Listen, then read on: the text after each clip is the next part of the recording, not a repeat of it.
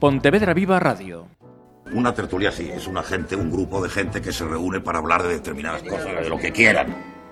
Caminando sin pensar, despacito, sin tiempo que ganar, paseando sin correr.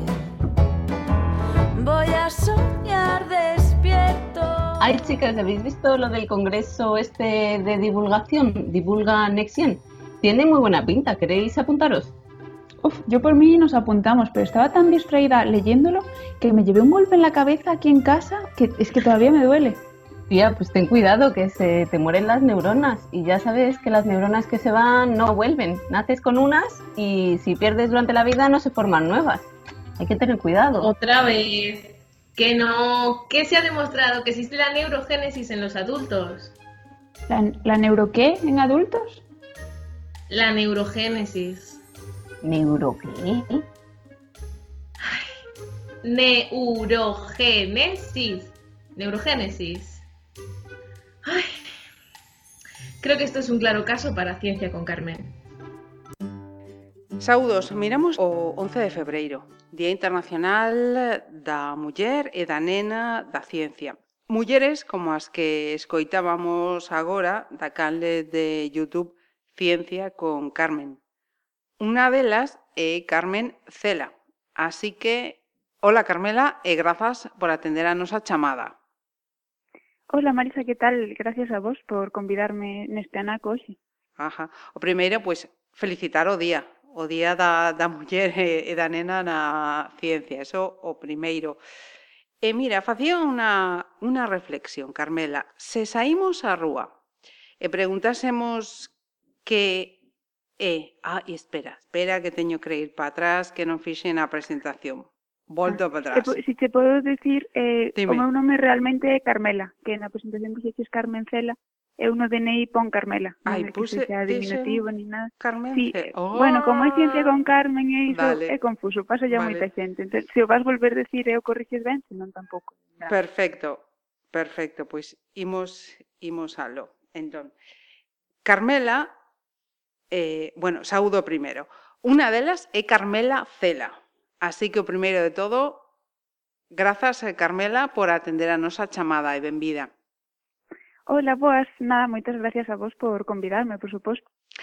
Carmela é graduada en bioquímica eh, e traballa como investigadora predoutoral no Centro de Bioloxía Molecular Severo Ochoa do CSIC. Carmela, eu facía unha reflexión. Se saímos á rúa e preguntásemos que é a bioquímica, de que área da ciencia encárgase a bioquímica, saberían responder? Pois eu, por ser optimista, penso que sí, porque moitas veces a bioquímica igual a relacionamos cos análises de sangue que nos fan moitas veces no hospital, de rutina ou por algunha patología, que sempre hai unha partadiño que di bioquímica estes parámetros pois son que nos din moitas cousas sobre o noso corpo. Entón eu creo que a xente terá ciencias da saúde, que é realmente onde nos situamos na bioquímica, e tamén en moitos outros ámbitos, porque tamén podemos tocar sectores máis biotecnolóxicos, de empresas ou, ou outros sectores, pero eu en concreto adícome máis o da saúde. Ajá. E mira, eh, mirando a, a esta data, cando estabas a estudiar na universidade, Había máis mulleres eh, que homes? Estabais eh, igual? Como estaba a cousa? Pois na miña, no meu grau en concreto e na miña clase éramos unha aplastante maioría de rapazas. Uh -huh. Non que sabería decir números, pero igual dos 60 que éramos no grupo, 10 rapaces, unha, unha bastante minoría de rapaces. Eh, claro, iso pasa moito en xeral nas carreiras de ciencias máis relacionadas coa saúde, que eh, teñen un público de, de rapazas bastante amplo donde estes números baixan un pouquiño máis é en carreiras de enxeñería ou cousas máis tecnolóxicas ou cousas como a física, que aí sí que teño amigas que fixeron eses graus e sí que se nota que, que escasea un pouco máis o alumnado feminino. E en canto a profesoras, porque tamén cando falamos da ciencia tamén Ajá. nos fixamos moito nos referentes que temos na universidade, que son pois, esas eh, profesoras eh, e outros cargos, Eu, en xeral, tive, non sei se sorte, se xa é que mm, acabamos ese, esa de ter un número bastante grande de profesoras mulleres e ademais moi inspiradoras. Ajá. Así que nese sentido eu creo que vamos avanzando, carai. Mm. Entón, no, no mercado laboral eh, imos eh, polo bo camiño. Eu penso que sí, pero según os datos que tamén fai pouco o Ministerio de Ciencia e Innovación, pois sacou o informe que saca todos os anos de investigadoras en cifras, o que vemos é que, aínda que estemos por riba da media europea, con 41% de mulleres investigadoras no Estado español, o, no que pecamos é nos, por, nos postos altos, nos postos de liderazgo, en decanas, rectoras, postos altos nas universidades, aí sí que escasean un pouco máis as mulleres, aí é onde aínda estructuralmente eu penso que fan falta moitos cambios para poder igualar esa situación e que máis mulleres poidan acadar eses postos. Ajá. Mira, ademais do teu traballo como, como investigadora, e como escoitamos o, o comezo deste podcast, estás implicada na divulgación da ciencia. Na canle Ciencia con Carmen de YouTube que era o que escoitamos e a través de Twitch eh, cun programa de divulgación científica en galego e chamado Ecos de Xigantes. Cal é o, o público que segue este tipo de propostas? Eh? Novo, adulto, escolares ou, ou simplemente curiosos por saber e comprender de xeito sinxelo a ciencia? Pois cambia un pouco nos dous proxectos, eu creo tamén pola plataforma que empregamos en, en Youtube. Eh, comezámoslo máis a, a facer esta serie de vídeos a raíz da pandemia, porque nos chegaban moitas preguntas de familiares e amigos, pois, que é un virus? Eh, como as vacinas, cando van a chegar, como van a ser? como nos tiñamos esa formación en bioquímica, chegábanos moitas preguntas dese tipo e nos facíamos vídeos e subíamos los a esa canle de YouTube e aí sí que temos un público bastante variopinto, aí pois dende os 14 anos que empezan as métricas de YouTube a contar ata os 60 temos un público así bastante mm. repartido, mm. heteroxéneo. En cambio en Twitch, que sí que é unha plataforma máis nova e máis moza, aí sí que a idade do público baixa bastante. Tamén facemos cousas así un pouco máis distendidas, máis de estar de charla con amigos, traer algún convidado que nos poida falar da súa investigación, facemos tamén así algún concurso de ciencia para ver canto sabe a xente a que convidamos de distintas materias. E aí sí que nos eh, a, a franxa de idade baixa un pouco máis, eh, estará en torno aos 20, 25. Uh -huh. Teño que, que decir eh, ao respecto da, da canle de YouTube que público incluso internacional, que xa vin algún comentario de Argentina incluso, eh? Sí, pois é curioso iso, porque, claro, por, polo idioma, que no fondo pois nos comunica tamén co outro lado do Atlántico, temos unha, unha, un porcentaxe moi alto de escoitas de Latinoamérica, tanto de México, de Colombia, como tamén Ecuador. E, de feito, eh, non só por iso, pero tamén por iso presentamos esta iniciativa Ciencia con Carmen a un premio da nosa universidade, da Universidade Complutense de Madrid, uh -huh. un premio de, de emprendemento, E aí obtivemos pois o mellor proxecto con potencial internacional, e isto fixo que puderamos facer unha, unha colaboración coa Universidade de mm, Cooperativa de Colombia en Medellín. Estivemos ali unha semana pois coñecendo tamén outros proxectos emprendedores que tiñan relación con oso. Uh -huh. E, pois creou, creou boas conexións tamén coa xente daquela universidade para ver un pouco as diferencias en torno á ciencia e divulgación tamén. Pois eh, parabéns para estas eh, mulleres emprendedoras da ciencia, hai que decirlo tamén. E, e falando do, do galego, a divulgación científica en galego ten aínda moito por facer, Carmela. O certo é que sí, pero este ano eu creo que foi un dos Mm, anos dourados da divulgación científica en galego, porque despois de que abriramos nos este formato de tweets con ecos de xigantes, sumáronse tamén outras dúas propostas que tamén lles está indo moi ben, que son Balea Vermella e Ciencia e tal, que tamén se poden ver en Twitch e tamén traen formatos moi interesantes con convidados, entrevistas, incluso fan sorteos, móvense moito, así que no que é nas redes este ano mm, triunfou e, e brillou absolutamente a divulgación científica en galego. Alegrámonos totalmente a máis. Mira, e antes de rematar, unha pregunta. Hai alguna muller da ciencia que sexa referente para Carmela? Pois eu penso que é importante sempre buscar referentes que, que sexan máis accesibles para ti, porque no fondo ti podes admirar moito a alguén a través dunha pantalla, pero a través de quen te vas a formar e de quen vas a aprender realmente cal é o camiño que queres seguir é das mulleres que te rodean, das que tes máis cerca de ti, uh -huh. que poden ser científicas ou poden non selo. Eu teño a sorte de ter unha familia de mulleres moi traballadoras e, e que loitan moito polo seu traballo e aí inspírome e tamén pois nas miñas xefas no laboratorio e compañeiras tiro un pouco dai, porque véxeme máis reflexada en xente que, que comparte máis a miña realidade ao final. Mm, sen dúbida, sen dúbida. Pois eh, imos lembrar entón que Carmela vai ser unha das mulleres da ciencia que este Benres eh, participe na iniciativa promovida polo Concello de Pontevedra cun encontro no Pazo da Cultura no que tamén estarán Paula Otero Sánchez, eh, Alba Guión Tarrío e Andrea Muras Mora, coa que temos falado máis dunha ocasión aquí en Pontevedra Viva Radio. E antes eh, de rematar, pois, dar as grazas a Carmela por eh, compartir estos minutos con nos. Moitas grazas. Nada, moitas grazas a vos. Vémonos en Pontevedra o Benres.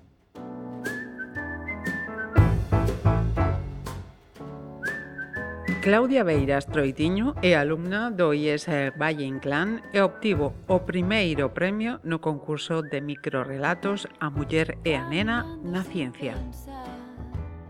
Pequenas accións, grandes resultados.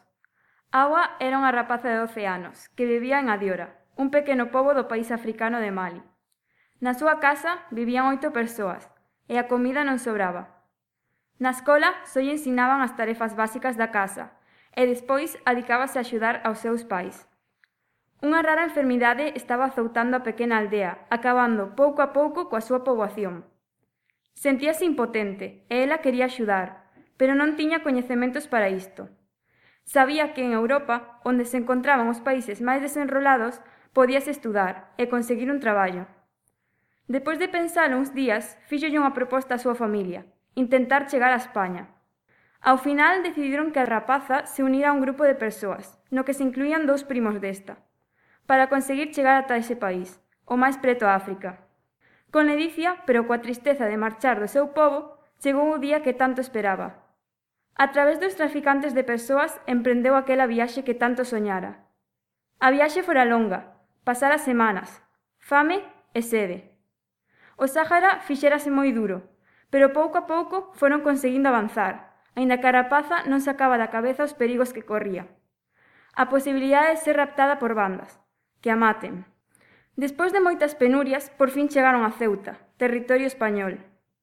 Moitos dos seus compañeiros cos que fixera amizade non aguantaron e foron morrendo durante a viaxe. Uns días despois da súa chegada, un barco saiu de Ceuta cara a Cádiz e aproveitaron para coarse e chegar ata a península. Non o podía creer, Estaba no lugar no que tanto tempo pensara, e no que podía estudar o que realmente lle gustaba, no que podería conseguir un traballo, e os seus propios cartos. A agua parecíalle o mellor país do mundo. Dáballe facilidades para ter onde vivir, para estudar e despois traballar. Anos despois, Agua tiña uns estudos no que lle gustaba, a medicina, aquilo que tanta falta facía en África. Traballou nun hospital de Santiago e foi un exemplo de superación para os compañeiros e pacientes.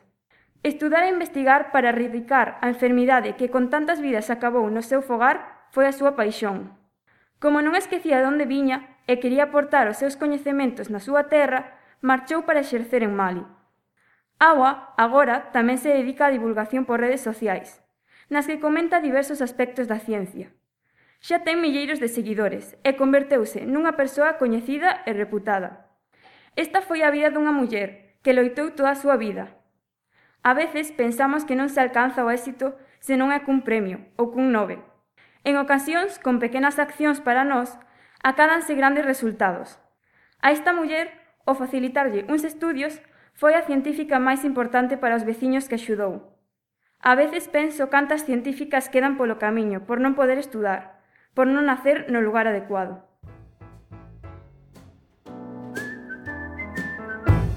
Julia Martínez Losada e tamén estudante do IES Valle Inclán, acadou o segundo premio nese concurso de microrelatos. Loitar para triunfar. Cando unha muller decide comenzar a súa carreira no mundo da ciencia, enfróntase a unha serie de dificultades ás que os homes non teñen que enfrontarse. Coñeces algunha científica?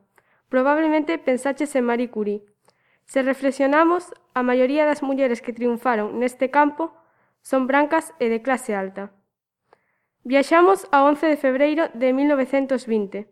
Nace Amara nun pequeno pobo en España. Unha rapaza de raza negra debido á herdanza do seu pai africano. Dende moi pequena estaba interesada pola bioloxía, a química e a tecnoloxía.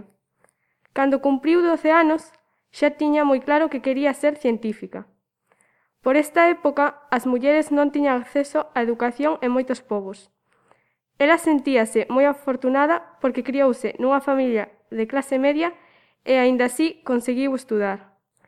Grazas ás súas boas notas logrou seguir formándose e obtivo unha beca para estudar na Newham College na Universidade de Cambridge. Os seus estudos centráronse na bioloxía e superou o grado, pero non lle concederon o título oficial por ser muller decidiu graduarse e volver a España. Cando chegou encontrábase perdida e comezou a escribir. Deuse conta de que as científicas tiñan falta de recoñecemento en toda a sociedade. Informouse e, facéndose pasar por un home, publicaba artigos nos xornais. Sí, outra limitación para as mulleres. Se pertencías a este xénero, os teus artigos non atraerían o interese da xente. O primeiro foi sobre Carolina Herschel, unha astrónoma que descubriu un cometa o 1 de agosto de 1786. Continuou con Ada Lovelace, unha matemática que, a pesar de non poder acudir á universidade por ser muller, desenvolveu o primeiro algoritmo pensado para ser procesado por unha máquina. Gañaba algo de diñeiro, pero o seu soño era dedicarse á ciencia. En 1948 produciuse un avance na sociedade e dende este ano as mulleres xa podían ter unha licenciatura. Esta noticia animoulle a volver aos Estados Unidos. Viaxou a Talí con 28 anos e estudou noutra universidade diferente. Despois de moito tempo, conseguiu o que sempre quixera. Non o tivo fácil e, aínda que este traballo está peor pagado para as mulleres polas súas investigacións en comparación cos homes, ela sentíase orgullosa de opoñerse ás dificultades para gañar algún dereito. Dende eses anos ata hoxe en día, houbo moitos progresos, pero as desigualdades de xénero seguen estando presentes. Se nos paramos a pensar, moitas científicas foron esquecidas. Para recoñecer a traxectoria de todas as mulleres que contribuíron ao avance da ciencia e a importante labor que desempeñan actualmente, elixiuse como Día Internacional da Muller e da Nena da Ciencia o 11 de febreiro. Escuchamos ahora a Carmen Portela Medrano. Empeño e ambición fan os soños realidade. A ciencia ten un papel moi importante na actualidade. Por iso, cabe admirar e estudar a esas persoas que coas súas investigacións nos fan a vida moito máis doada. Sen embargo, neste relato voume centrar nun grupo específico, as mulleres, máis concretamente nunha, Rita Levi Montalcini. Hoxe en día, comeza a descubrirse e a ter en conta o gran labor das mulleres na ciencia. Non obstante, pódese comprobar que o número de homes recoñecidos neste sector é moi superior ao de mulleres. Seguindo este fío, entre todas as ilustres científicas das que puiden obter información, elexín a Rita, xa que ademais de levar a cabo o seu traballo, tivo que loitar contra esta desigualdade de xénero. Todo comezou un 22 de abril de 1909, con nacemento de dúas nenas semelgas na familia Levi Montalcini, en Turín, as que chamaron Rita e Paola. Medraron nun ambiente óptimo, no que se valoraba a cultura e a intelectualidade.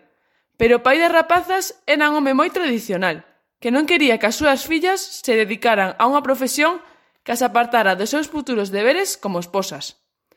Malia todo, a morte da súa cuidadora de cancro, cando tiñan 19 anos, motivou a unha das nenas, Rita, a estudar medicina. Neste momento, e coa desaprobación do seu pai, Inicia os seus estudos na Universidade de Turín ata o seu doutoramento en neurociruxía. Aquí, baixo a supervisión de G. Levy, comeza a súa investigación sobre o desenvolvemento do sistema nervioso no embrión do polo. O estalido da Segunda Guerra Mundial obriga a abandonar a universidade e mudarse de país. Pero lonxe de ser un obstáculo, montou o seu propio laboratorio cun microscopio e algúns utensilios caseiros como agullas de coser, para poder continuar o seu traballo. Unha vez rematada a guerra, o célebre profesor Victor Hamburger ofrece un posto na Universidade de Washington, o que leva a intrépida e entusiasta Rita a América. Aínda que pensaba volver pronto, en Washington coñece o bioquímico Stanley Cohen, e xunto a el, as súas investigacións fanse moito máis apaixonantes, culminando co descubrimento do factor do crecemento nervioso. Este achado foi o que levou a obtención do máximo galardón que pode acadar unha científica, o Premio Nobel de Fisioloxía e Medicina. Nos últimos anos da súa vida, dirixiu varios centros de investigación en Roma, onde morreu aos 103 anos. Ela aínda conservaba unha lucidez abrallante que amosaban todas as entrevistas que lle facían, mencionando unha e outra vez o papel da muller na ciencia. Rita non só reivindicou a igualdade entre xéneros na ciencia, senón que o demostrou co seu traballo e descubrimentos. Exemplos como o seu deberían inspirarnos e animar as nenas a facer o que realmente queiran, sen verse reprimidas por estes estereotipos que tanto tempo levan influenciándonos. Deste xeito, esperemos que nun futuro se faga realidade. Así que non podemos esquecer que, como la dixo, mulleres e homes temos idéntica capacidade mental.